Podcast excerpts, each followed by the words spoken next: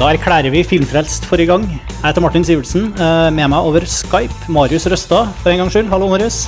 Hei, hei. Det er Lenge siden Lenge sist. siden. Ja, ja. Og Sara Marie Voldseth. Hei, hei. Hei, du er offisielt CG inn i Filmfrelst-redaksjonen, ja, redaksjonen, om vi skal kalle det. Yay. Yay!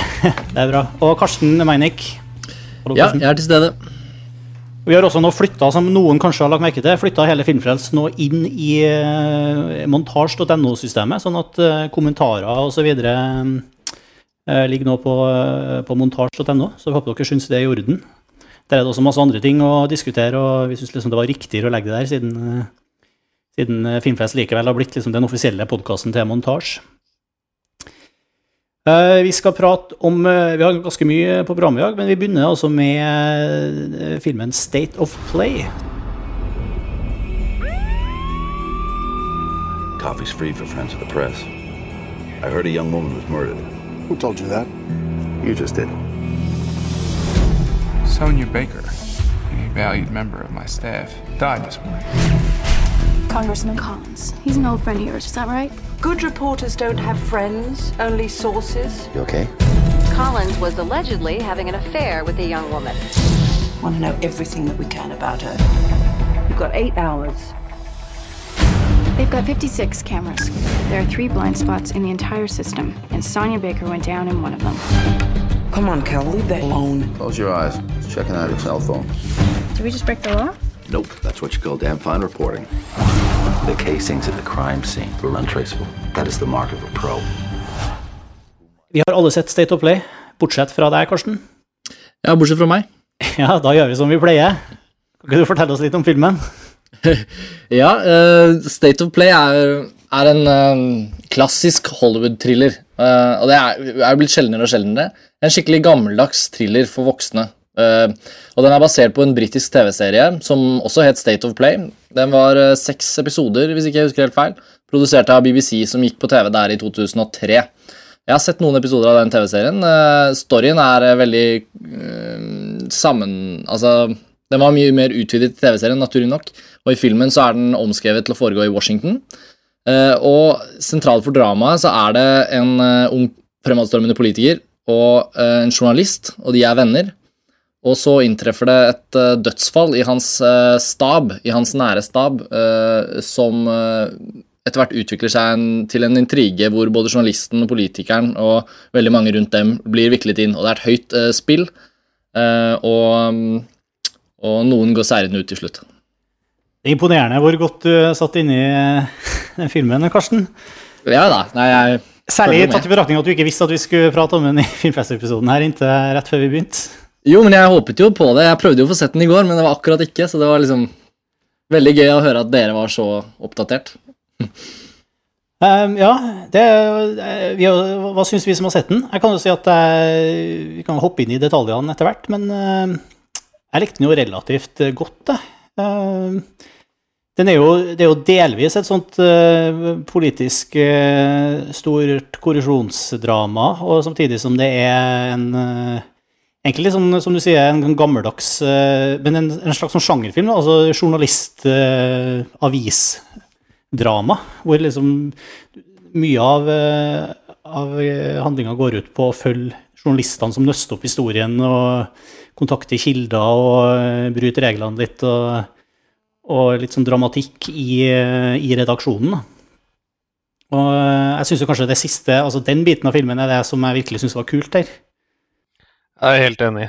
Eh, Jeg er jo mediejunkie og jobber redaksjonelt hver eneste dag, og jeg elsker jo sånne filmer hvor du går litt eh, under huden på det som skjer i redaksjoner og, og sånn. Eh, og det var utrolig moro å se, se hele den utviklingen Både storyen i seg selv, men også denne unge reporteren Rachel McAdams gjorde vi gjennom filmen, og også Russell Crowe. Så. Russell Crowe spiller den gamle, hardbarka eh, avispapir, altså papirjournalisten, mens eh, Med whisky i skuffen og Ikke sant? En klasse, veldig sånn stereotypisk person, Ja, ja. mens hun spiller da den unge bloggeren som eh, liksom ikke har penn og ikke har, aldri har penn med seg og får Mm. uh, sitt første sjanse til å jobbe på en stor, skikkelig sak. Mm. Det er jo sånn, er sånn film som på en måte er veldig med på å male det romantiske bildet av, eh, av journalistikk, som kanskje gjorde at, eh, at mange Ja, nå skal jeg ikke hevde at journalistikk er journalister spesielt sånn eh, eh, ja, forherliga yrke, men kanskje en grunn til at mange går inn i det yrket. da, i hvert fall eh, og vi som gjorde det, Marius, vi sier jo at det er jo et veldig realistisk og korrekt avbildning av hvordan hverdagslivet for oss journalister er. ja, jeg må jo si at uh, jeg vet ikke om jeg hadde hatt baller til å være journalist hvis jeg hadde hatt den derre uh, jobben som Russell Crowe uh, har her. Det er, det er, journalistikk på et litt annet nivå. Nå har vi skrevet om MP3-spillere og dataspill i åtte år, men så det blir noe litt annet. Det blir litt annerledes. Men for hva, hva, I filmen, for hvilken spesifikk liksom, posisjon har Crows karakter som journalist der? Han er en slags sånn stjernereporter. Ja, men han har et ansvarsområde som går inn mot liksom mer sånn seriøs politisk, eller? Ja, han, han, er, han er tung journalist. Han øh, Ja. skriver ikke om øh, kjendiser og teite historier om skandaler og, og sånn. Det kommer jo igjen gjennom filmen opptil flere ganger, øh, hvor det påpekes. Og det, Mm. det er på en måte et slags, slags sånn skjæringspunkt der nettopp mellom det at han er den seriøse Han skriver ikke, med, han skriver ikke synsinger og, og meninger og det som liksom tilhører den Kanskje det som vi karikerer litt den moderne internettjournalistikken med. Men er den interessant som en slags sånn kommentar til det som faktisk skjer i media i dag? Altså, eller blir det bare sånn bakenforliggende humor? Og hva syns du, Sara?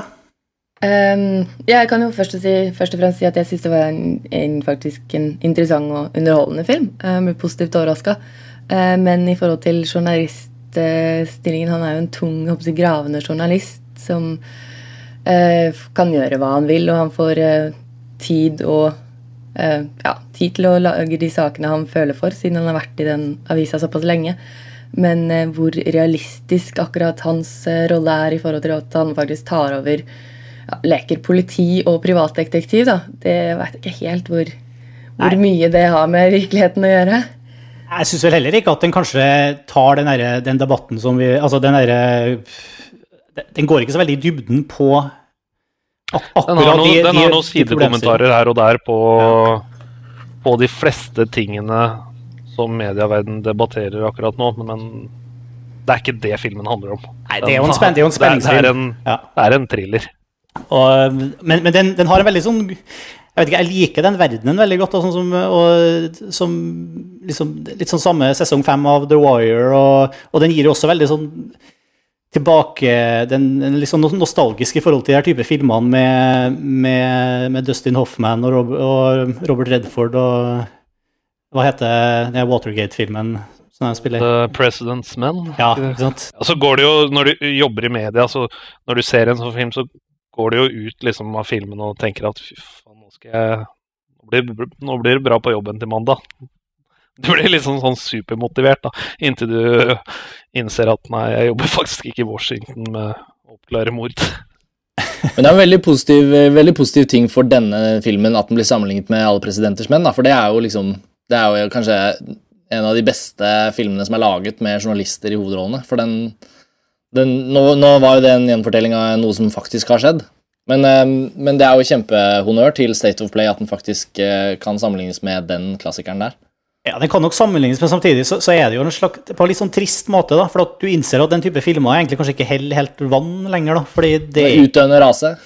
Ja, for det, både fordi at den, den er ikke like god som den, eh, den filmen, altså den her State of Play. Jeg, jeg har ganske mange svakheter. Det blir nok ikke noen klassiker, den filmen her, da. Det er vel noe man kan Nei, si. det er ikke på, er ikke på nivå til uh, Old Presence, Men. Men hva var det som Hva var det, som, hva var det dere likte, og hva var det dere ikke likte, liksom? Er det Um, det var vel, eh, Jeg så den etter å ha sett uh, Che, eh, den første Che-filmen. Og den var litt vanskelig å følge med på, men den her er veldig klassisk oppbygd og veldig lett å følge med, og du blir dratt videre i handlingen hele tiden, og det er spenning, og det er Det, er- det er ikke lett gjennomskuelig, men allikevel lett underholdning. Um, så ja, og, og også det men som dere har nevnt med karakterene. Hvordan den ene ja, de, de to hovedkarakterene, de to journalistene, eh, er så klare karakterer, og de er veldig ja, spiller godt mot hverandre med kontrastene mellom dem, både personlig og også hva de gjør, da, eller i forhold til den journalistiske rollen. Um, og den er Ja, det er, en, er en sånn Hvis det hadde vært en bok, så hadde det vært en god sommer-page-turner som bare man har lyst til å lese seg ferdig med fort mulig og glemmer den fort etterpå. Så ja, god underholdning og bra laga. Sam, sam, samtidig som jeg syns at rent sånn, Set Play er jo ikke spesielt original på noen som helst måte. Og du skjønner på en måte, selv om du ikke gjetter alle detaljene i plottet, så, så ser du jo det, du, du, får ingen store overraskelser i, i, det som skjer. Nei, jeg fikk litt sånn følelsen av at den filmen her har jeg jo kanskje egentlig sett før, men uh, det gjør ikke så mye. Det er jeg helt enig i, og det er jo egentlig mitt største problem med den filmen, er jo det at uh, den den går også den klassiske fella som alle disse thrillerne går i. Den skal alltid ta en ekstra twist. Ja, Den hadde, litt, hadde, hadde litt, litt, for mange avslutninger. Ja, hvorfor kunne de ikke bare liksom Det holder nå. Ja. Det er liksom Nå er vi ferdig med filmen. Nei! Vi er ikke det. Vi tar enda en liten twist, og det er sånn holder den på liksom tre-fire ganger. Er vi alle enige om at slutten var ganske dårlig, eller? Ja. ja. Det er godt. det, var, det, var, også en ting som plaga meg litt gjennom filmen. Eller jeg synes det bare var, jeg følte meg litt sånn undervurdert da, som Kinegård. når de, For at hele filmen er den er jo litt sånn avhengig av å bygge en slags sånn klustro, øh, ikke klaustrofobisk, men øh, paranoid stemning. Uh, du skal liksom, for det er jo liksom store Den er jo en ganske liten film, egentlig. Det er få personer, og det er mye, mye prating, men samtidig så skal det være en dimensjon av at her er det en sånn overhengende stort politisk makt, eh, store selskaper og, og en sånn overhengende uh, ukjent masse, truende masse bak filmen. Da, som, og, og, de løser det liksom i filmen ved at med selv om hele filmen i hovedsak er tatt opp med sånn håndholdt eh, kamera, sånn, så har du en del sånn innimellom så er det en del sånn kameravinkler og måte å filme på som skal liksom indusere den paranoide stemninga. Ofte så er det helt sånne umotiverte eh, klipp med bilder med helikopter, blant annet. Hvor du bare filmer et helikopter som flyr over byen. og skal, er liksom, Det er så overtydelig gjort at her skal du få inntrykk av at her er det noen som følger med og ser på. Det var så mange scener der, jeg, eller så mange klipp der som jeg følte ikke hadde egentlig hørt hjem. Og de, de stolte ikke nok føler jeg, på altså Det hadde vært mye bedre hvis de bare hadde stort på handling og, og skuespillere og plott til å, inn, til å, gi oss den feelingen, istedenfor å måtte klippe inn så mange sånne uh, Ja. Dette er jo manuset som Brad Pitt ikke syntes var godt nok. Må huske det. Så kanskje han har vært, uh, han har vært en målestokk. Jeg vet ikke om dere kjenner produksjonshistorien, for den hadde jo en del trøbbel. Like før manusstreiken i Hollywood så skulle den filmen her gå i produksjon. Uh, også Brad Pitt var castet i rollen som uh, Russell Crowe uh, har, og Edward Norton var i rollen som Ben Affleck har. Og så inntraff manusstreiken på det tidspunktet hvor veldig mange av denne typen Hollywood-produksjoner gjerne går gjennom en rekke av rewrites, da, hvor det kommer inn nye manusfattere og fikser på ting. men pga. streiken så var det ingen manusfattere som skulle gjøre noen ting av den typen jobb. Men siden filmen var klar til å gå, så ville studio gjerne at de skulle filme den sånn som den var. Men da ville det ikke være liksom, fagforeningstillatelse til å endre på manuset. Da trakk Brad Pitt seg rett før eh, Altså en uke før innspillingen skulle starte. Og så ble ting utsatt noen uker, og så var det en veldig sånn opp og ned og frem og tilbake. Og så plutselig så krasjet produksjonen med noe annet Edward Norton skulle gjøre, så måtte han trekke seg. Og så fikk de valgt nye stjerner til de to rollene like før innspillingen eventuelt måtte bli kansellert. Uh, og det som sies om den historien, er at Brad Pitt rett og slett ikke følte at manuset var bra nok. Da. Nå vet jeg ikke om han nødvendigvis er en rett målestokk. Han har trukket seg fra prosjektet før som har endt opp med å bli veldig bra. Men uh, det var jo lenge tvil om at filmen kom til å bli noe av i det hele tatt. da. Det er interessant å høre. Ut ifra det ferdige produktet og dem, så er jo den eh, altså Rollen til Russell Crowe er jo veldig ålreit, men det virker som Edward Norton kanskje har blitt litt for liten, eller at rollen til, som Ben Affleck spiller i filmen, her er litt for liten for, for, for Edward Norton. Altså, den, han gjør ikke så mye ut av seg Men det kan jo kanskje være pga. at det nettopp ikke er Edward Norton som spiller den. Ja, Ja. Da, nå fikk jeg utrolig lyst til å se den filmen med Edward Norton og Brad Pitt isteden. Ja, jeg var veldig, jeg var veldig engasjert, engasjert i State of Play før dette skjedde. da, for det var jo liksom, jeg, Fight Club er en av mine all time favorites. liksom, Og Brad Pitt og, og Edward Norton sammen igjen. Det var bare liksom et eller annet som var veldig tiltrekkende med den ideen. Og Kevin MacDonald, som har regissert den, han har jo laget Last King of Scotland og en utrolig bra dokumentar som heter um, uh, Touching the Void. Sånn at Det var utrolig mye tiltrekkende med den filmen her. Og, og Helen Mirren og Rachel McAdam. altså Det er jo et kjempecast. Og så plutselig så ble alt snudd på hodet. da. Jeg syns Russell Crowe også er ganske bra, og jeg er en av de få jeg kjenner som aldri har hatt noe imot Ben Affleck, men det er jo ikke helt samme nivå. Hva er Edward Norton Ben Affleck-sammenligningen, da? Same, Jeg same. syns at eh, Russell Crowe gjorde en veldig bra rolle i den filmen, men eh, Ben Affleck syns jeg ikke gjorde noe særlig god rolle i, i det hele tatt. Han var bare uh, uinteressant. Alle, eller de fleste av scenene med han i syns jeg ikke var ga noe særlig. Til tross for at han så. skal gråte bare fem minutter inn i filmen. Jeg, jeg kan spørre om en ting i forhold til eh, rent det sånn, det litt filmatiske. fordi eh, som jeg sa litt i stad, det var en av tingene som har vært veldig tiltrekkende med den filmen, her, har jo vært at den har hatt så utrolig mye bra folk om bord. Eh, selv nå så er jo casten kjempebra, men fotoarbeidet er av Rodrigo Prieto, som har eh, gjort utrolig mye fint. Gjorde Brokeback Mountain, gjorde um, Elskede kjøtere, 25th Hour, 8 Mile. Altså Frida, han har gjort utrolig mye spennende ting. Babel. Eh, hvordan så den ut? Hvordan var den liksom rent sånn Som jeg sa litt i stad, så er det jo det er stort sett håndholdt kamera, og det er veldig sånn, ofte veldig sånn sparsommelig eh, opplyst, så det er, det er mye Den ser veldig bra ut også. Jeg, bare, jeg, som, jeg reagerte så sagt på hver gang de tok For det, den skal liksom gi den litt sånn realistiske Den er veldig sånn realismeprega. Den, eh, men den tok meg veldig ut av det hver gang de skulle et, etablere den her paranoiaen med å bare hive kameraet et helt annet sted 1000 meter unna. Men eh, noe å tilføre, Marius eller Sara? Nei, det, men det, det er kanskje det med bildene som gjør at jeg ikke helt eh, Eller at jeg syns at den kunne vært like så greit på en DVD.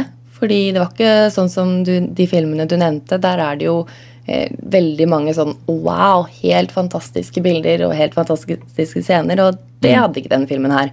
Men det er jo ikke det den eh, skal ha heller, for så vidt. Fordi det er jo i en i en setting som skal være en hverdag for Eller ja, hverdag for journalistene, som er eh, hovedkarakterene. Kan Så- hende henger igjen litt spor av at det er basert på en TV-serie òg? Det er jo ikke noe negativt i våre dager, for TV-serier er jo som regel kanskje bedre enn filmer. Men uh... Når jeg hører snakk om TV-serien, kanskje det høres ut som kanskje den er like interessant. altså jeg, jeg syns det var utrolig bra. Jeg så det hos en jeg kjenner, så jeg ble liksom så Vi så to episoder, og så dro jeg, og det var det, liksom. Men, uh, men det var jo Man ble jo helt uh, Fikk jo veldig lyst til å se resten. Men uh, nå må jeg si at uh, nå syns jeg har vært fryktelig negativ. Jeg syns egentlig filmen var veldig bra. så Vi begynte jo med det alle sammen, og si at jo, det er jo en bra film, men så ble det liksom så fryktelig Vi kjørte den ned i gørra, men uh, alt i alt så det, Jeg hadde et par få punkter som jeg liksom kikka på, men alt i alt så er jeg knallfornøyd med filmen. Godt brukte timer på kino. Jeg tror egentlig jeg ville likt det bedre hvis hele filmen hadde vært uh, hovedsakelig i, det, i I redaksjonen. i redaksjonen, og kanskje litt med konflikten med politiet og Og lagd en journalistisk uh, hverdagsfilm på Det er ikke nok vis. fordi- journalistfilmer. Nei, Nei, det er jo ikke det. ikke det. Eh, men Nei, så absolutt ikke. Det er jo der det er humor, og det er der filmen har litt glimt i øyet, og det er der Ja, det er der det, det beste i filmen foregår. En journalistfilm som fokuserer mer på internett, har vært bra. Men er det, hva, hva, har dere noen favoritter av det som har vært av journalistfilmer? Det er faktisk ikke så mange å peke på når jeg begynner å tenke litt. Jeg er veldig glad i TV-serien Transmetropolitan. Jeg har ikke jeg hørt om engang. Hva er det? Det er en TV-serie med annet laga av eh, Warren Ellis. Ja, ja, ok. Jeg, jeg så jo forresten eh, Frost Nixon her for en eh, uke siden. Jeg syns jo det var kult, bare på grunn av det journalistikkspillet der. Selv om mm. det var på et eh, litt annet nivå. Men sånn eh, favorittmessig så må det vel eh, kanskje være Redford Hoffman. Den satte Nå kom jeg ikke på noen andre, egentlig. Vi hadde jo en norsk film for et par år siden som het 37,5, en romantisk komedie om en dame som jobber som sånn Ja, den kjipeste det, journalisten i det er min favoritt. Den var ikke en veldig fantastisk film. er det ikke? Jeg tror vi kan, kan be dere som hører på, om å sende oss eh, e-post eh, til Filmfrelst Nei, jo, til podkast at filmfrelst.no med deres tips til gode oh, ja. journalistfilmer. Så kan vi lese opp dem i en fremtidig episode. Det hadde jeg satt stor pris på. God plan. god plan. Det er rett og slett, Men det er vel noe vi er enige om, da, at det er for få gode filmer om karakterer som befinner seg i journalistyrket. For det er jo egentlig veldig, veldig godt egnet for, eh, for film. For det er jo mye driv i den hverdagen. Jeg kan også føye til at jeg, eh, The Wire sesong fem er jo i sin helhet Ja. eh, Veldig mye av den er satt til Selv om jeg syns kanskje det er den svakeste Wire-episoden, så er den for fortsatt fantastisk, fordi det er The Wire. men eh, Nei, den svakeste eh, sesongen, men Men eh, den er også i sin helhet satt til, til en eh, avis i, i Baltimore. Jeg må få sett The Wire, altså. Og du og Marius? Ja, jeg òg må få sett The Wire. Men nå, jeg må si, du ga meg et ekstra insentiv nå, altså. Ja, du må jobbe gjennom de fire første sesongene. Ja, men det skal jeg klare hvis så du gir meg så store lovnader om sesong fem. Ja. um, skal vi gå videre til neste film på planen? N'y a pas d'héros dans la criminalité. Il n'y a que des hommes qui sont marginaux, qui n'acceptent pas les lois.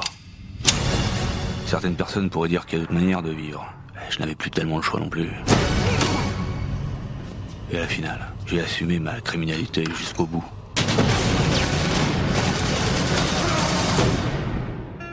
Eh, vi har sett eh, Jacques Merin, eh, en, en fransk gangsterfilm. Første del av to filmer. Eh, første delen heter L'instinct de mort, eller Instinkt for mord, eller hva ble den oversatt til i Norge? Instinkt for mord, ja. Instinkt for mord. Mm. Uh, som uh, er regissert av Jean-Francois Richet. Jeg vet ikke så fryktelig mye om uh, bakhistorien for den filmen, men det gjør kanskje du, Karsten? Eh, ne- nei, denne gangen så må jeg melde pass. Altså, jeg, jeg vet jo at det er basert på en kjent figur i fransk kriminalhistorie. Ja. Det er jo en Det er basert på historien historien om Jacques Merin. Ja. Eller, eller Mesrin, som noen, kan, noen kaller den. Ja, og, og, og i forhold til budsjett og sånn, så har den jo Det er jo en ekstremt ambisiøs uh, produksjon, selv i fransk målestokk. I Frankrike så har de jo veldig mange big budget-filmer. Det er jo en av de store filmindustriene i verden, ved siden av India og Kina og USA. og så er jo fransk film veldig veldig profesjonell og veldig storslagen, men denne filmen her var visst et kjempeprosjekt. da. Ikke, ikke bare fordi det er to filmer, men, men også fordi det er en veldig kjent historie og med profilerte skuespillere og hele den pakka der. Men selve liksom historikken til produksjonen kan jeg ikke så mye om, egentlig. Men eh, kan du fortelle litt om filmen, for jeg har ikke sett den og ikke fått med meg den der. Martin, har du lyst? Ja, det er altså eh, Nå har vi som sagt da bare sett første uh, del, men uh, historien er jo for så vidt kjent for, og eh, åpent tilgjengelig. Altså, Jack Merin var rett og slett en gangster. I, rana banker, og han er krigsveteran som, eh, som eh, rana banker og fikk operert både i Frankrike og til dels i Canada og reist litt rundt, og ble liksom en slags sånn kjendisgangster. da. Eh, ble sammenligna fordi han reiste rundt med delvis med, med dame, og ble sammenligna liksom, med Bonnie and Clyde. Og, og fikk for, liksom, så vidt jeg har skjønt, da, litt sånn eh, romantiserende, glamorisert eh, rykte. Eh, men var også da veldig brutal og, og drepte po flere politifolk og ble til, skutt, eh, ble til slutt skutt av politiet. Mange hevda at han rett og slett ble til slutt assasinert eller direkte henretta av, av politiet i en eh, sånn større politioperasjon. Og det er liksom eh, altså Det er sånn rise and fall av en, gang, av en gangster. Da. Og det var på en måte det, det som jeg sitter igjen med etter å ha sett første del av filmen nå. At eh, vi, vi, liksom, vi sitter og ser på en, en, på en, måte en film som vi har sett mange ganger før. Da. Eh, fra, fra Scarface og, og opp gjennom historien, liksom. Er det en type gangsterfilm i hele filen på filmen nå? Eller, eller er det en type en fransk, eh, hvis jeg kan kalle det type fransk fil på filmen? Ja, det, For det første så er det ikke noen narkotikavinkel, da. Som det ofte er i de amerikanske gangsterfilmene. Til vil jo til og med si at han egentlig ikke driver med noe egentlig Det virker ikke som han har noen spesiell egentlig drivkraft for å være gangster, bortsett fra at han er litt misfornøyd med livet sitt. Eller altså, Jeg vet ikke hvordan du følte det, Martin, men, men det var en ting jeg har tenkt ganske mye på etterpå. at liksom, Greit nok at han trenger penger og sånn, men, men strengt tatt så klarer ikke filmen helt å overbevise meg om at han har noen god grunn i det hele tatt til å være gangster. Filmen prøver vel å etablere et eller annet med at han, eh, han gikk gjennom såpass mye i, eh, i eh, Algerie, eller Ja, jo, og- men Det er veldig påklistret da i åpningen av filmen. Ja, ikke sant? Og han på en måte har Klarer ikke å falle inn i, i familie og det etablerte livet-rollen og på en måte søke det mer eh, fandenivoldske, brutale. Men eh, jeg er helt enig, det er ikke veldig godt skildra, det der eh, nøyaktig hvorfor han er som han er. Han er jo egentlig en ganske uspiselig figur. Han oppfører seg Det, det var vel det vi, vi reagerte med alle sammen. Jeg husker vi prata om filmen etter at vi så den i kino. at at det var veldig pussig, fordi vi fikk ikke noe særlig sympati for hovedpersonen i hele tatt etter å ha sett filmen, og derfor så var det vanskelig å engasjere seg veldig i, i det som var egentlig en serie med Ja, det var, det var mange gode scener i filmen, men vi, i og med at vi ikke hadde noe sånn spesielt forhold til hovedpersonen, så, så var det liksom litt vanskelig å, å la seg virkelig engasjere. da. Men er det type en actionfilm, eller er det en er karakterdrevet film? det er en actionfilm. Det vil jeg si at det er. Mm. Det er veldig veldig sånn handlingsdrevet. Den stopper ikke ofte opp for å gi oss mer om karakterene. Det er veldig sånn fra neste til neste til neste eh, sekvens. Og man kan jo se for seg at de har hatt en liste over hendelser i livet til Jacques Merin og tenkt ja, det må med, det må med, det må med. Underveis har de kanskje glemt at når man går gjennom et sånt liv, så vil man møte på mennesker som man knyttes til, selv om man er en gangster, og selv om man har dreper folk og raner folk og er usympatisk utad, så er jo ikke han en karakter som nødvendigvis er usympatisk når han ser seg selv i speilet og er alene inne i et rom.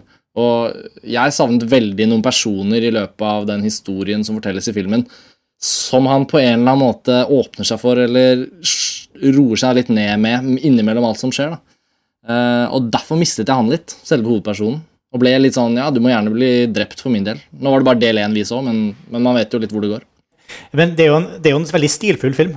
Eh, mange av de actionscenene er jo veldig kule. Eh, jeg syns jo også det altså, Det er litt sånn style over substance-film, det her, føler jeg. De, de er så, såpass tøft klipt og så kult filma at, eh, at det er en slags sånn eh, ja, en slags sånn instant adrenalingreie bare ved å se på den filmen her, som på en måte forsvinner med en gang etterpå. Men uh, I og med at man ikke har noen dypere tilknytning til den. Da. Men uh, jeg syns det funka på et veldig sånn På et veldig visuelt nivå, og så syns jeg den var veldig effektiv.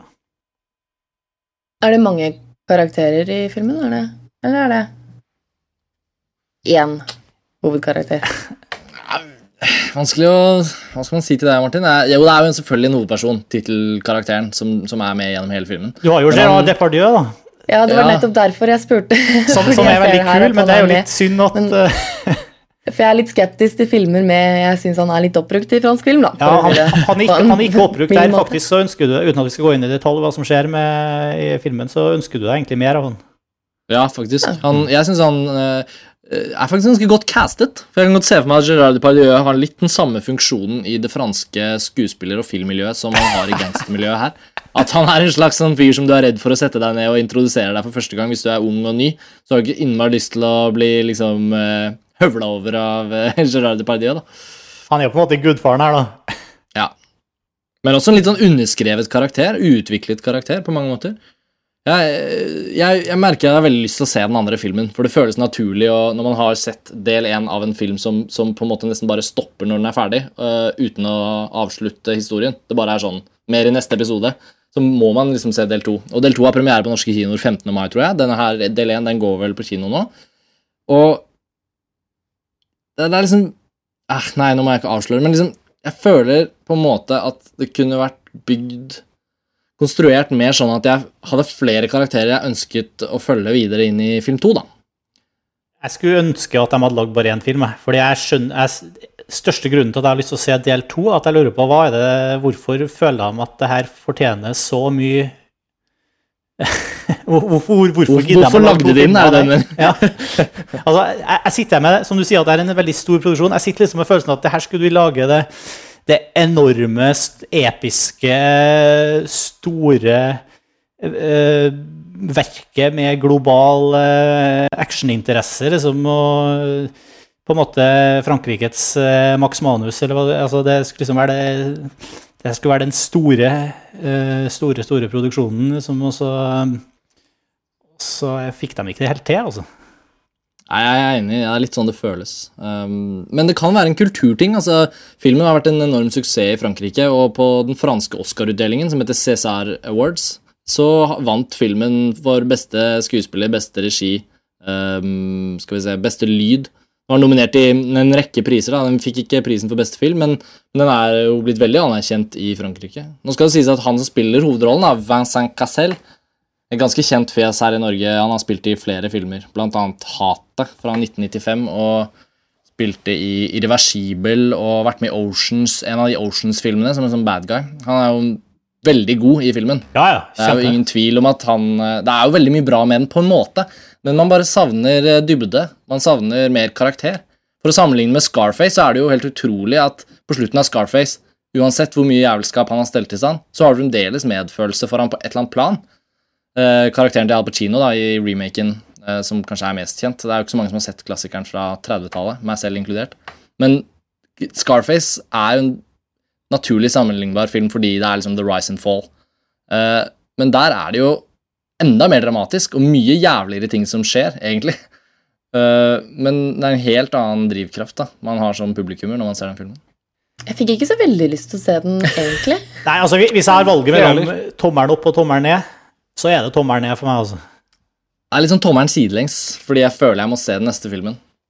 Ja, jeg føler kanskje at jeg må det, men jeg har ikke så kjempelyst. det er mange filmer jeg heller vil se enn den andre filmen. Det er litt som å ta tran, liksom, at du, du innser at det kanskje er bra for deg, men Eller det er kanskje ikke bra for deg engang. Ja, nei, som sagt, det var Ja. Jeg likte å se Det var ikke, det var ikke en dårlig opplevelse å sitte og se på filmen her, jeg bare den, den gjorde så lite inntrykk, syns jeg. Ja, men takk for tipset. Det er alltid kjekt å vite hva man skal styre unna. men den kan, altså det jeg tenker, bare for å avslutte, da Vi trenger ikke snakke så veldig mye mer om den filmen, her, men, men, men jeg kan jo godt se for meg at den egentlig, i og med at man i DVD-butikken vil ha muligheten til å ta med seg begge filmene samtidig, så er det kanskje en litt sånn eh, passende hjemmevideo-gangsteropplevelse. Kan man si det, Martin? Ja, kanskje det blir en director's cut hvor alt sammen er kutta ned til én film, eller Eller du ja. får Nei, det, ble, det, kommer sikkert ikke til å skje, men uh... Nei, La oss ikke håpe det. Apropos det, uh, bare nå hopper jeg litt, men John Boo han har laget en ny film. Eller ikke bare én ny film, han har laget to nye filmer. Red Cliff. Og den har jeg også lyst til å se. Asiatisk epos. Jeg har kjempelyst til å se begge de filmene. Men Og den, Ja, filmene, fordi den filmen som kommer til Norge i slutten av mai, Red Cliff det er en sammenklippet uh, versjon av to filmer som har vært kjempesuksessfulle i Asia. Begge to filmene har vært veldig suksess. Og så i Vesten så skal det liksom klippes sammen og presenteres som en sånn utvannet variant. Og jeg har plukket opp fra noen av de som har sett den utvannede varianten, at det, er, det ikke er sammenlignbart engang. da. Og det å bli så skuffet Da har man jo virkelig eh, Her, av denne mm, Jacques Merin-filmen, så får man i det minste de to delene. Ja, nei, Du har rett i det. det. Jeg hadde sikkert blitt veldig skuffa hvis jeg bare hadde sett en sammenklipt versjon av Jacques Merin. og Da hadde jeg sagt akkurat det samme. Ja, kanskje sikkert mye bedre hvis vi hadde fått sett det fulle greia i to filmer. Ikke sant? Hvis du hadde fått høre at i Frankrike så var det to hele filmer. Ja, ja. ja. Så vi må ta med det i betraktningen. Men eh, bare gjenta, når var det Red Cliff hadde premiere? Jeg bare så traileren, og den, den må jeg se. Men når har den premiere? Jeg tror det var 22. mai. Ja. 22. mai i Norge. Men da må vi bare si fra, og alle må vite at Uh, den fins på DVD i Asia. Det er mulig å bestille den fra sikkert flere asiatiske DVD-butikker. Og den er visst utrolig bra. Altså I de to delene den er presentert på kino i Asia. Jeg tror kanskje jeg kommer Så... til å vente til jeg får sett den på en uh, fornuftig DVD-versjon. altså. Jeg vil heller se den på storskjerm, ja, fordi den traileren jeg så, var bare sånn visuelt Det her vil jeg se på storskjerm. Så. Ja, men Jeg er helt enig med deg. Jeg gleder meg, jeg gleder meg virkelig. Og, men det kan, for alt vi vet, så kanskje den fins på Blu-ray allerede. ikke sant? Og det går an å ja. ordne seg en måte å se det på. Eller må vi vente til en eller annen filmklubb setter opp original eh? Ja, men det, ja. det, er en skam at ikke det er eh, noen kinoer i Norge som er Som er Eller, ja, altså det er John Woo, da. Det er faktisk en av de største liksom, mainstream filmskaperne fra, fra, Asia som har laget en film som det virker som alle er enige om at Eller to filmer, da, som det virker som folk er utrolig enige om at det har vært et kjempevellykket prosjekt for han. Da burde man nesten kjenne sin besøkelsestid og skaffe de to kopiene og sette det opp og si 'vi gjør det'. Eh, og Oslo kino er jo den største kinokjeden vi har, så kanskje de burde kjent sin besøkelsestid. Jeg er jo dritspent egentlig på å se altså Etter eh, John Woo flytta til Hollywood, skulle jeg si, så ble det bare tull. Ja, der var det mye tull til slutt. Jeg er veldig glad i Face Off, da. Jeg må jo si det. Jeg er faktisk litt glad i face-off, jeg òg, men uh, ja. Nei, det var mye tull.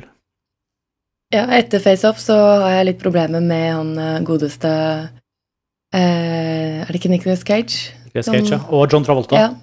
Ja, men iallfall Nicolas Cage, fordi jeg så, så Knowing her uh, forrige uke. Og det, den var veldig vanskelig å se, fordi, nettopp fordi det er Nicolas Cage som er i hovedrollen. Og, så FaceOff er jo bra film, det, men eh, ødela for min del karrieren til Nicolas Cage videre. Særlig etter eh, likte du ikke Adaptation, eller?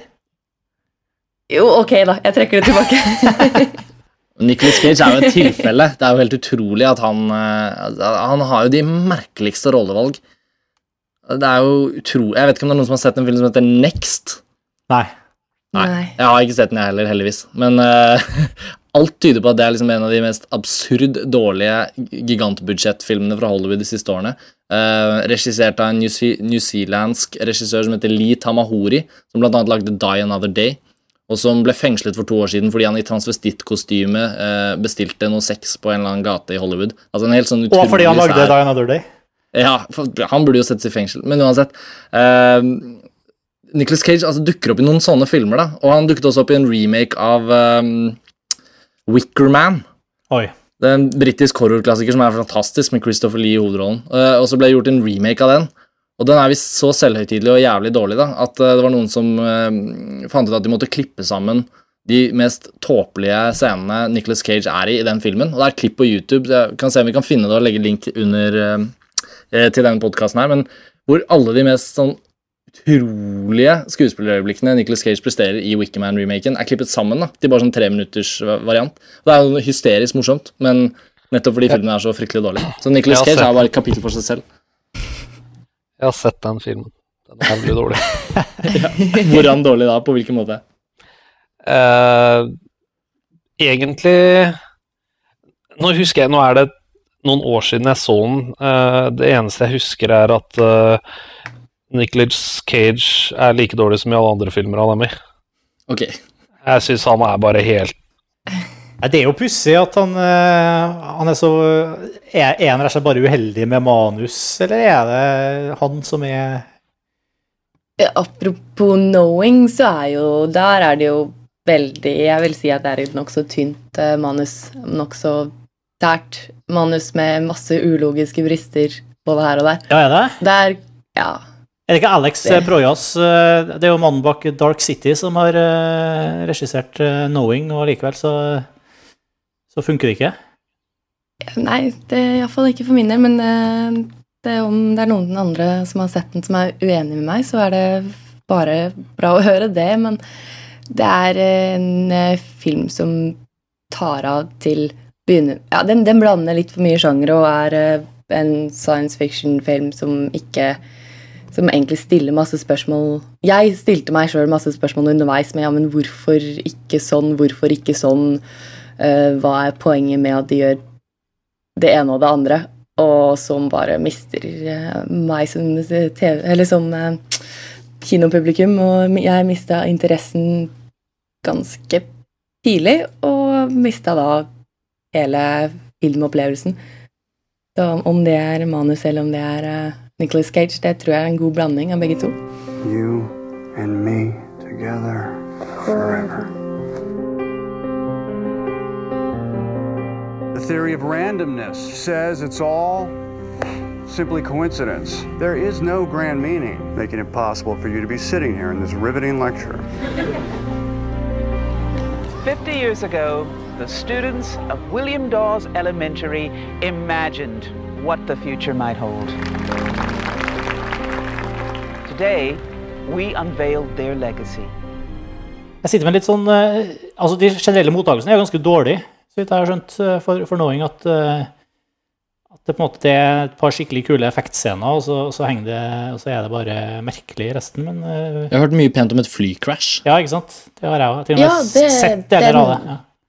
Den, det ser veldig bra ut. Og det, fram til der så er jo filmen også interessant. Um, det er uh, en uh, skoleklasse som uh, skal feire Eller de skal grave ned eh, en eh, gave til framtiden, hvor de tegner masse tegninger og skal ligge i sånn time capsule. Og eh, denne time capsulen, jeg vet ikke noe godt norsk ord for den, men tidskapsel, den blir da gravd opp eh, 50 år etterpå. Og av, av de tegningene som blir funnet, så er det en, et ark fullt med masse tall. Og Nicholas Cage finner da ut at det er hans sønn som får dette arket med alle de tallene, og eh, finner ut at de tallene betyr uh, Det er årstall og datoer på når det skjer store katastrofer i verden.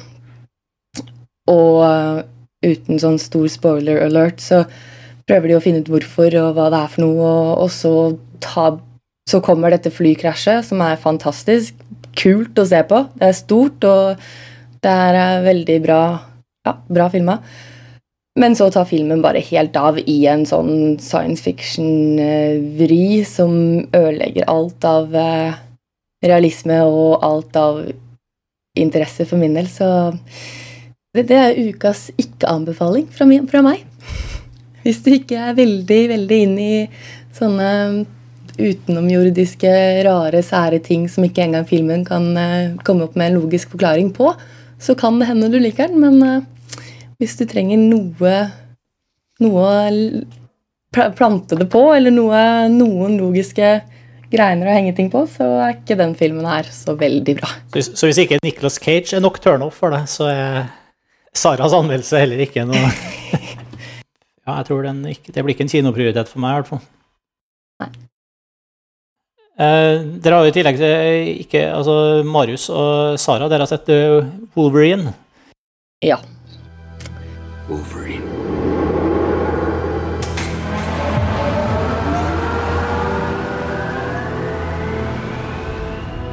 Become the animal.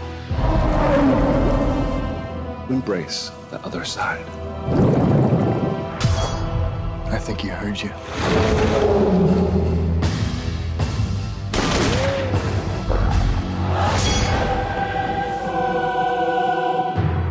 We'll stop him. You just spent half a billion dollars making him indestructible. I know who you are, Gambit. Orig X-Men Origins. Ja.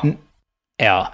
eh, Med han eh, godeste Hugh Jackman. Hugh Jackman som både produsent og, um, og hovedrolleinnehaver.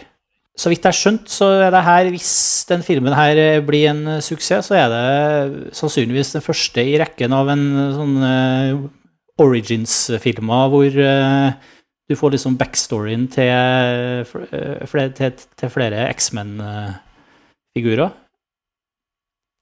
Er det, er det noe å se fram til? For, for, min, for min del så er det ikke det. Eh, det var to timer relativt bortkasta på kino. Eh, jeg syns jo Jeg har aldri vært noe lest X-Man eller noe som helst, men jeg husker jeg så den første filmen. Syns den var eh, dritbra, faktisk.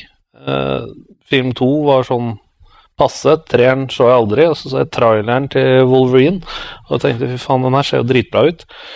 Men hvordan de hadde klart å klippe sammen så mye i en bra trailer, det skjønner jeg ikke, for det var ikke i filmen. Jeg har, jeg har også sett filmen, men jeg har ikke sett traileren. Og jeg har litt følelsen nå at jeg burde prioritert traileren istedenfor filmen. ja. Jeg føler du hadde fått med deg nok, i hvert fall. ja for det, Ja, er, det, er det ingenting å glede seg over her i hele tatt?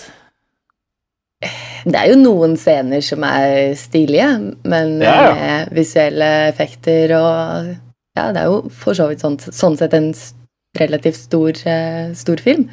Mye Jeg satt faktisk eh, til tider jeg, og syns effektene var ganske dårlige. Du så den Pirate Bay-versjonen som var uten rendra digitaleffekter? det?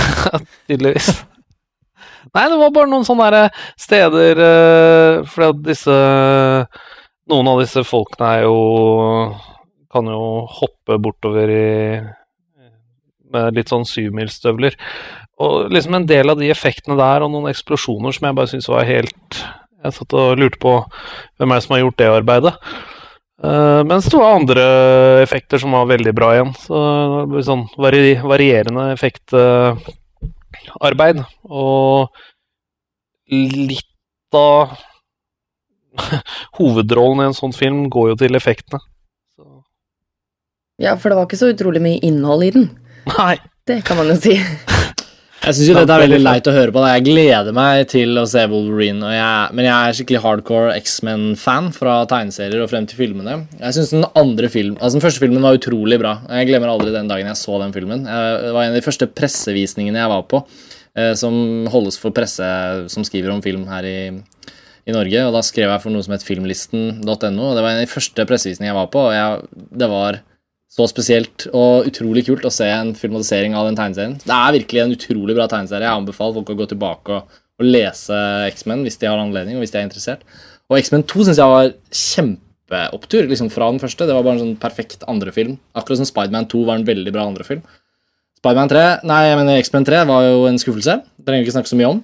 Men Wolverine er jo liksom sjefskarakteren. Og, og, og det at de gikk for en film om han, syns jeg var både veldig naturlig, men også utrolig kult. da. For da kunne man jo hente opp mange av de historiene som ligger i tegneserien. Men du, da må jeg spørre, for, for meg som er en X-Men-outsider, egentlig Men jeg har sett alle filmene. uh, men det jeg også likte veldig godt de første to filmene, er at uh, det var liksom den herre mer sånn politiske Litt sånn eh, dimensjon, filosofisk dimensjon som gikk, som gikk liksom på måten uh, mutanter og mennesker uh, mingla, og, og, og hele den, liksom, den konflikten der, da. Men Ja, ja. Det er jo det som er så fantastisk bra med grunnideen for hva X-Men er. Ikke sant? Men hvorfor er da Wolverine den kuleste figuren, eh, som er en ølrikkende muskelbunt som river folk i filla?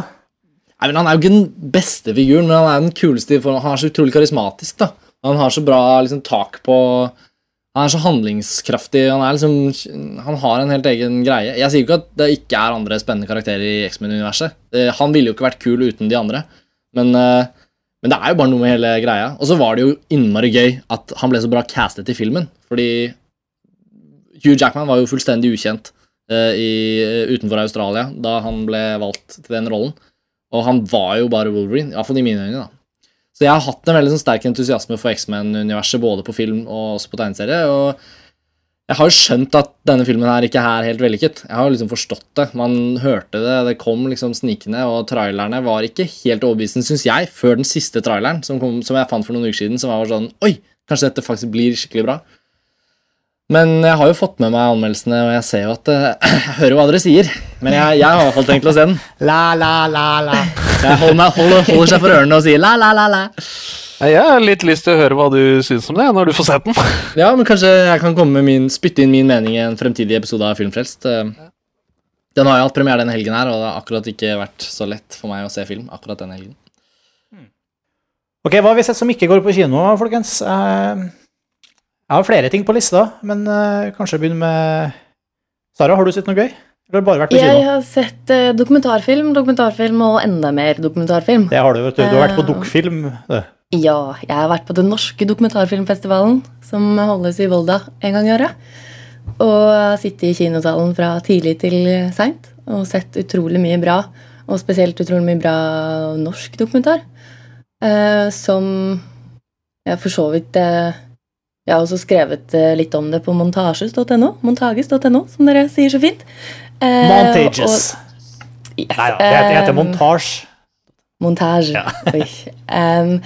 Og det er litt vanskelig å oppsummere da hva som er bra og hva som ikke er bra. fordi eh, når man sitter og ser så mye dokumentar, så blir man eh, utrolig sliten i hodet. For det, det er ikke sånn som det, spesielt da f.eks. Wolverine, at man kan se den og så gå ut av kinosalen og heldigvis glemme den så fort som mulig. Um, no, no offense, uh, Karsten. Uh, Nei, jeg har men- ikke sett den, så Nei, uh, men det, det er vel, Fordi det er jo ekte historier, og det er jo Selv om de er, dokumentarfilmen også er et visuelt eh, Det også er filmer som blir konstruert, så er det utrolig mye sterke historier som er fortalt. Så jeg vet ikke helt hvor jeg skal begynne hen. Det, er det en eller flere av de dokumentarfilmene du så som du virkelig føler at, at mange burde sett? Eh, ja, den som eh, vant prisen for den beste norske dokumentaren, eh, 'Velkommen til Norge', av Mona Friis Bertheussen, tror jeg det var. Ja, det hun het. Uh, den er uh, kjempeflott. Den har også, uh, så vidt jeg husker, vun- vunnet eh, noen priser andre steder og også blitt sendt på TV2 en del ganger. Um, om en eh, familie som kom med kvoteflyktninger fra Kongo, som flytter til Steinkjer.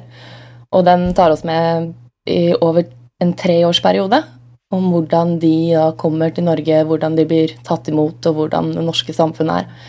Så Det er en film som jeg anbefaler veldig sterkt at alle ser. Velkommen til Norge. Um, ja, velkommen til Norge. Hvordan får vi sett den? da? Hvis den har gått på TV2 mange ganger allerede, er den tilgjengelig på DVD, kanskje? Eh, Den, eh, den ligger på Sumo sin side, Ah. TV2 sin side, så det er mulig å få sett den der. Og hvordan DVD-utgivelsen av den er, det vet jeg ikke. Um, men eh, av filmer som er mulig å se, som da jeg også mener at alle bør få med seg, er en serie eh, som ble vist som en film på Dokumentarfilmfestivalen, men som er laga som en serie, som er Thomas Robsam, som har laget eh, 'Moderne slaveri'. eh, om eh, ja, menneskehandel og moderne slaveri i dagen, dagens samfunn. Og den er en dokumentarfilmserie som begynner nå 18. mai. Som eh, var eh, veldig intens og tung å se på i, som en hel film, men som eh, serier og som en dokumentarfilmserie, så tror jeg den er Ja, blir veldig bra, og det blir spennende å se hvordan den blir mottatt av TV-seerne. Det er spennende at Thomas Robson har laget en film igjen. Det er lenge siden han har laget film. Ja, det blir vel veldig- kanskje lenge til neste gang også, da. Siden han har en litt annen rolle i filmverdenen nå enn hva han hadde før. Ja, han er jo akkurat ansatt som spillefilmkonsulent i Norsk Filmfond. Eller Norsk Filminstitutt, som det heter nå. Så han skal jo dele ut penger istedenfor å lage filmer selv. Men, eh, men han har jo laget veldig mye spennende tidligere, og fungert som produsent for eh, Margaret Olin de siste nesten ti årene. sånn at det at han er tilbake og har laget noe, er jo en hendelse i seg selv. Jeg kommer i hvert fall til å få det med meg på TV. Det har vært gøy Mm. å se det i ett òg. Jeg vet at du sa det var veldig slitsomt, men, eh, men det kunne vært gøy å se hele greia som film i ett strekk. Og det tror jeg det blir mulighet til på Kortfilmfestivalen i Grimstad i juni. For de som skal dit. Nei, mens vi er inne på dokumentarfilm, jeg har sett en veldig rar, pussig film på, på, på DVD eh, fra Brian De Palma.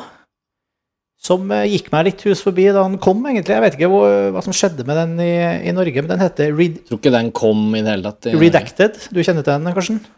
Ja, jeg skjønte hvilken det var du skulle til å si at det var. Ja, jeg kjenner til den, men eh, den, eh, den, eh, den fikk jo en veldig Den fikk jo et veldig skudd for baugen nesten med en gang den kom, fordi den etter sigende er så drøy, eller så spesiell, og ukommersiell.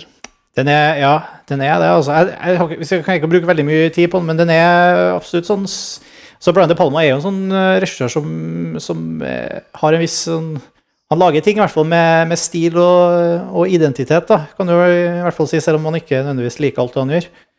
Eh, Hva er dokumentaren? det, det satt i Irak-krigen. Det var basert på eh, research og historier som, eh, som Brian De Palma har gravd opp på nettet. Da. Eh, Blogger og YouTube-videoer og litt sånn eh, eh, forskjellig hvor eh, på en måte forteller historien om, en, eh, om amerikanske soldater som rett og slett oppfører seg som, som eh, dreper og voldtar i, i Irak.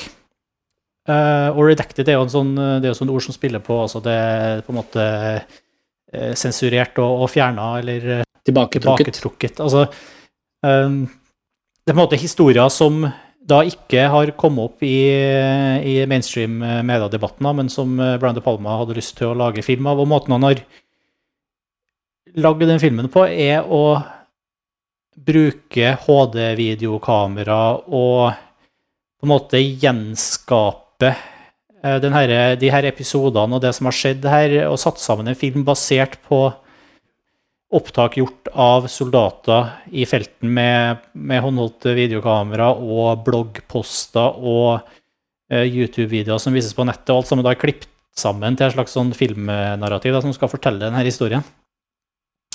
Og det er veldig sånn spesiell eh, Det blir et veldig sånn Og som du sier, det, den er ukommersiell i den forstand at, eh, at den ser veldig pussig ut, da, hele filmen. Den er Og jeg syns ikke den funka spesielt bra i det hele tatt. Eh, fordi det har mye med å gjøre at han har selv om han prøver å lage den herre nett, internett Sette sammen denne internettnarrativen liksom med, med de her virkemidlene, så, så gjør han, han gjør det ikke på riktig måte. Eh, De videoklippene Nettvideoklippene ser ikke ut som nettvideoklipp, eh, og de håndholdte videoklippene han bruker, ser De ser for eh, mye ut som om det er Hollywood-versjoner av håndholdt videoklipp. Hvis du skjønner hva jeg mener? altså, jeg, jeg syns ikke, det- jeg syns ikke det er satt sammen, og det, det virker ikke troverdig når jeg ser det. Og mye av skuespillet litt sånn eh, Altså, det er jo ikke dokumentarisk i den forstand at eh, altså, alt er dramatisert her. Uh, naturlig nok, siden det er ganske forferdelige ting som skjer. Men, uh, men jeg syns også mye av skuespillet er litt sånn over the top. Og, og jeg fikk liksom mye mindre realismeinntrykk her enn f.eks. i en, i en TV-serie som eh, Generation Kill. Som, også, som er mye mer eh, altså som er mye mer tydelig dramatisert, og, men som også har den her realistiske, håndholdte filen. Og, og jeg, jeg, liksom, jeg kom mye mer jeg trodde mye mer på det som skjedde der, da, enn jeg gjorde i Redacted, selv om Redacted er basert på og, Eller selv om begge deler er basert på sånne eh, begivenheter. Det er i hvert fall sånt, men det er en veldig pussig og snedig film. og er sånn risky og ukommersielt pro- pro- prosjekt. og jeg tror eh, jeg tror nok mye av mottakelsen i USA sånn også kanskje har sammenheng med at eh, den kanskje ikke har, Jeg tror ikke Bladene De Palma har klart å få vist den så veldig mange steder. Da er det kanskje en grunn til det. Som du sier, at den, den klarer ikke helt å få fram den intensjonen den har. Det, det er Palma sin versjon av hvorfor den ikke altså Han sier at det er fordi at den har blitt redacted. Så det er en Ah. film som har blitt uh, bevisst. Så filmen er blitt en iscenesettelse av sitt eget uh, eh, Nei, jeg har liksom ikke, jeg er ikke så interessert i å se den filmen, jeg merker jeg. Jeg har liksom lest litt om den og tenker at uh, why? Ja. Men uh, det er jo viktig, og amerikanerne kommer jo i De har jo allerede begynt å uttrykke det på film, sitt behov for å liksom, finne ut av hva som skjedde i Irak, eller hva, hva faen var det de drev med. Men, men uh, det virker jo som om de har til gode å lage liksom Irak-filmen. Altså Irak-krigens apokalypse nå, da, eller den, den filmen som klarer å fortelle akkurat hvilket traume den krigen her egentlig er og har vært. Eh, Det virker ikke på meg som Redacted er den filmen. Nei, jeg kan egentlig ikke anbefale den, altså.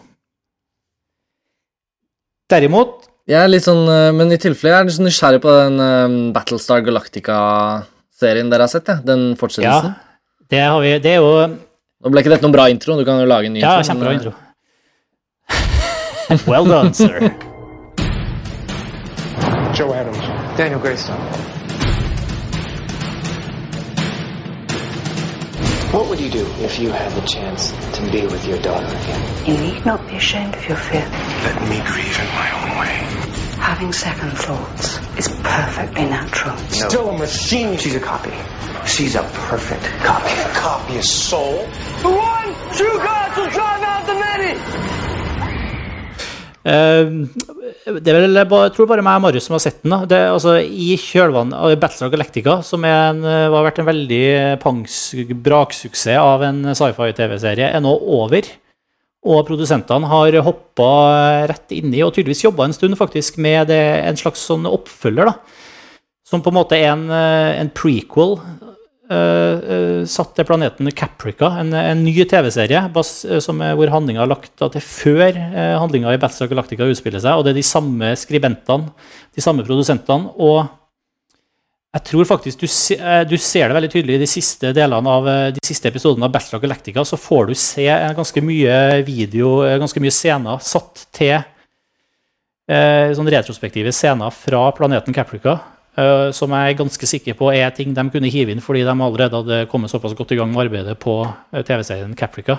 De hadde så mye grafikk og så mye, eh, mye greier derfra. Men altså, den serien er nå Den skal ikke begynne å gå før i 2010.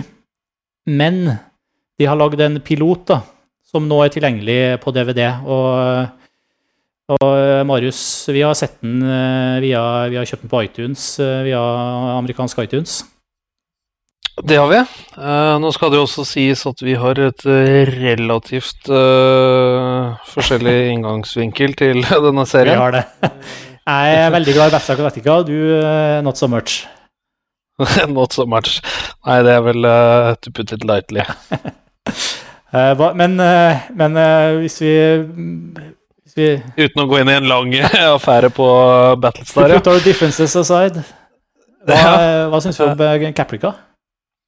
Nei, jeg ble jo Jeg ville jo aldri sett denne uten at du kom med noen lovnader om at jeg kom til å like det, da. Fordi at eh, å sløse bort to timer til etter å ha sløst bort så mye som jeg hadde gjort, det gadd jeg ikke. Men uh, jeg ble utrolig positivt overraska. jeg syns det var bra. Ja, på hvilken måte? Eh, for jeg skrev jo til deg at eh, alt det du ikke likte i Battlestar Galactica, det har de fiksa her, sa jeg. Ja, det har de jo ikke. Det har de ikke det, nei. For de, de har fremdeles eh, teite hjørner på bøkene, og de sier fremdeles frack. uh, og det her uh, har jeg fremdeles problemer med. Uh, Teite hjørner på bøkene. Eh, Ja, ok, sånn- for, for dem som ikke har sett Battlestar ja, det her er to sånne stilkonvensjoner de har gjort. Det, I og med at det her er de, nei, dette, dette må forklares ordentlig. De er, ja, ident, de er identiske med alt som skjer på jorda. Det er ingenting som er forskjellig fra hva vi gjør, og hva disse menneskene gjør. Bortsett fra at de har hjørner på bøkene som er kutta sånn at det blir eh, Hva blir det? Seks heksagon? Bøker? Jeg skjønner, jeg skjønner det, ja, at de Ja, er liksom Sånn at det ser litt annerledes ut enn våre bøker. I tillegg så bøker. kan de ikke si fuck, så de sier frack. Det er de eneste to forskjellene mellom oss og disse Nei, menneskene. det er, helt, det er jo Det helt henger du feil. deg opp i. Nei, det er jaggu ikke mye annet, altså. Men, Men altså, men, nei, men det altså, det, vi må gå til Caprica. ja, men, det, men Ja. Caprica bygger jo uh, tilsynelatende Det er jo en TV-serie som er Mens eh, Battlestar Galactica foregår veldig mye i verdensrommet på trange romskip og eh, er veldig krigsbasert, da. I, så, og, og militært så er Caprica satt nede på, på jorda, selv om det er altså er planeten Caprica.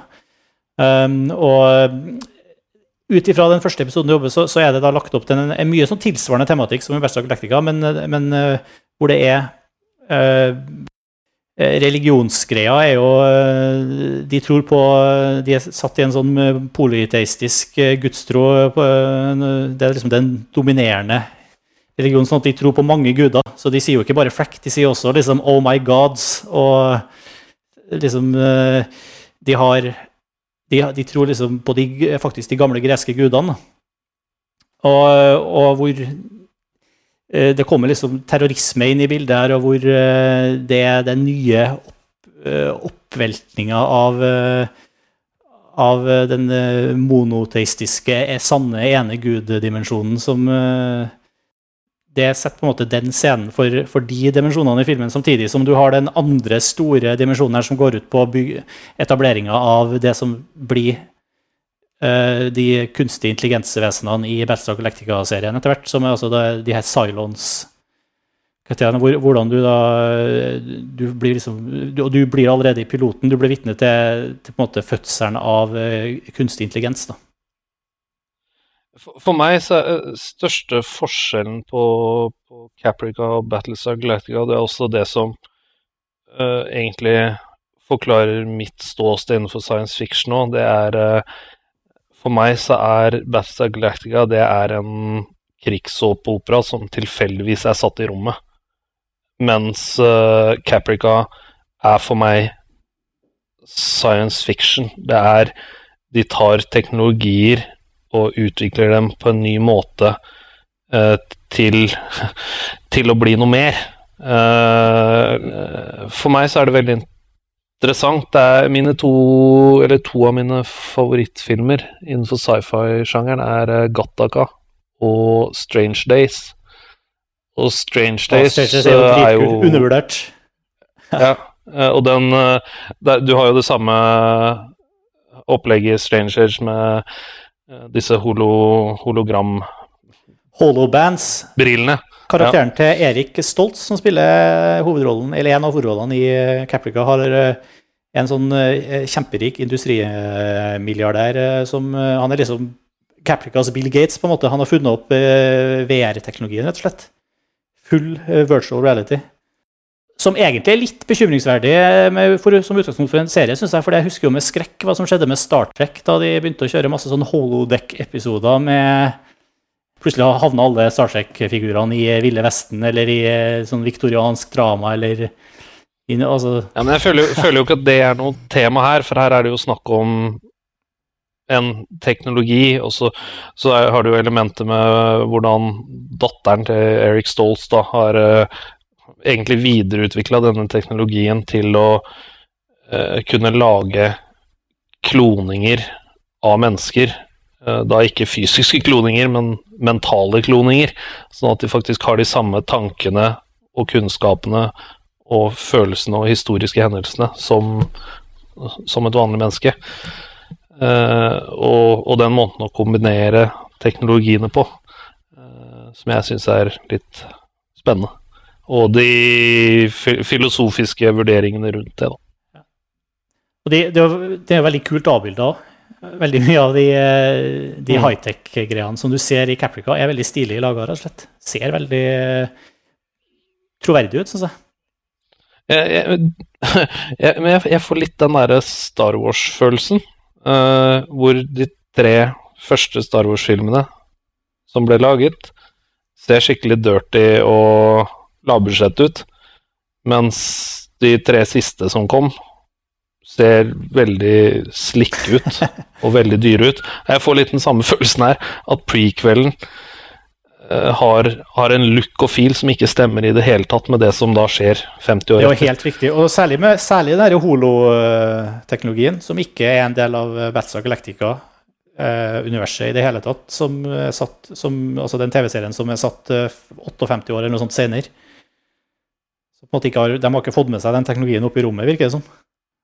Og det er tydeligvis en teknologi som er definerende for måten folk lever på på, på Caprica. Det er, det er, her de har uh, sine det er, de, det er, her de chatter, det er her de har uh, virtuell sex, og det er her de får utlevd sine fantasier. og Det er tydeligvis en sånn uh, veldig sånn livsskift, eller monumental utvikling for, for, for mennesker. Det er liksom like stort som internett. Mens de har ikke Du har helt rett, de det er ikke med i, i, i den på, i, Det er ikke med 60 år senere. Og kanskje er det en grunn til det som vi oppdager i løpet av serien. Det vet vi jo ikke. Ja, det er det sikkert. Med litt sånn der, Det virker som de har egentlig kommet på en god idé til en serie, og så henger de inn på Battlestar-universet for å få masse gratis seere. Men sånn som jeg som ikke har sett uh, noe av Battlestar Galactica, uh, trenger jeg det for å se denne serien her? For den virker for min del litt mer spennende enn uh, ja, litt mer spennende ut enn hva Battlestar Galactica gjør. da. Men er det noe sånn bakgrunnsinformasjon som jeg går glipp av hvis jeg ikke kjenner til universet? Jeg vil si nei, at du trenger ikke det. altså. Nei, trenger ikke det. Og jeg synes jo nest, altså skuespill, det virker, Skuespillet virker faktisk bedre her enn i Battlestar Galactica. Er du ikke enig, Marius? Det skal mye til. det skal ikke mye til. nei, nei du, du, kan absolutt begynne her, altså. Og Caprica er som sagt uh, tilgjengelig på DVD nå. Så det er bare å løpe og kjøpe. Uh, jeg vil komme med én anbefaling til, bare før vi gir oss. Veldig kjapt. Uh, som jeg så senest i går. Som også nettopp har kommet på DVD, og som jeg så via, via iTunes igjen. Og her må du korrigere meg hvis det er feil, Karsten, men jeg tror det er en film som ikke kom på kino i Norge, som heter Rachel Getting Married. Rachel Getting Married, ja. Hvor ble det av ja. den? I mylderet? Hva skjedde med Det er en film som på en måte plutselig dukka opp i eh, fresh releases på Apple TV-en min i HD, som er bare eh, Som i utgangspunktet ser ut som en chick flick som jeg ikke er skik skikkelig frista til å se, men som jeg har hørt så mye skryt om at jeg så den likevel, og eh, jeg syns det var helt, er, helt fantastisk. Ja, for uh, dette er jo en film som var en av uh, Ja, en veldig profilert uh, favoritt i den såkalte Oscarsesongen i vinter i USA. Rachel det var den hun ble nominert for? Ja, ja. Anne Hathaway ble nominert til beste kvinnelige hovedrolle for Rachel Getting Married. Og filmen er regissert av mannen som gjorde 'Nattsvermeren', Jonathan Demme. Yep. Uh, så det er jo ikke hvem som helst. Uh, og det forundrer meg, veldig at den, forundrer meg veldig at denne filmen ikke er kommet på kino i Norge allerede. Uh, og hvis den ikke har tenkt til å komme, så er det jo veldig veldig synd. Men den er jo ute på DVD nå. Jeg har gledet meg veldig. Til og med i Norge. Ja, den er på DVD i Norge. Den kom nå nettopp. Ja, da har den Ok, greit. Ja. Nei, da har den jo ikke kommet. Nei, på kino. Nei, jeg, bare, jeg, jeg, vil ikke si så veldig om den, egentlig, men den er, den er superbra. Så bare, bare se den. Ja, jeg har virkelig, men jeg har på en måte bare ventet på at den skal komme på kino. Så, men da betyr det vel at man må komme seg i DVD-butikken, rett og slett? Ja, rett og slett. Gjør det. Jeg er helt, helt enig. Sett den. Veldig bra. Du har sett den, du òg, Marius? Mm. Ja. Takk for tipset. Jeg ser bare at det står at det er en eh, drama og romantisk drama på IMDb, og da blir jeg sånn med en gang Den skal jeg iallfall ikke se. Ja, men det var det jeg òg tenkte. Uh, ja, men da er det veldig bra at det kommer tipset. Ja, For det, det er ikke det du tror, altså, selv om det er bryllup og, og greier, greier så, så ja, det var Tårene satt løst, og det var veldig bra. Mm. Såpass, ja. Jøss. Det, det må jeg få med meg. Men skal vi gi oss her, folkens? Ja, dette var jo nok en gang en sånn fin episode hvor vi var innom veldig mye forskjellig. Det blir gjerne det. Er neste episode om eh, Star Trek? Star Trek vet du, har premiere 5. mai Nei, 8. mai, er det vel? Ja, snart i hvert fall i, i Norge, og da Fredag. skal vi prøve å få sett og gitt dere en eh, slags anmeldelse av så fort som mulig. Vi ja, er varierende glad av forventninger til den, tror jeg, men eh, jeg gleder meg i hvert fall veldig til å se hva JJ Abrams har fått ut av den. Enig. Veldig spent. Han er jo en ujevn kar. Det var en veldig bra sending, folkens. Marius, Sara, Karsten. Vi er tilbake om en uke med Star Trek-episode. Da prates vi, da. Det er vi. Ja, Ha det bra. Ha det bra. Filmfrelst er en ukentlig podkast. Du finner oss i iTunes eller på filmfrelst.no. Vi er alltid glad for kommentarer og innspill. Send oss mail på podkast.filmfrelst.no, eller stikk innom sida og legg igjen en kommentar.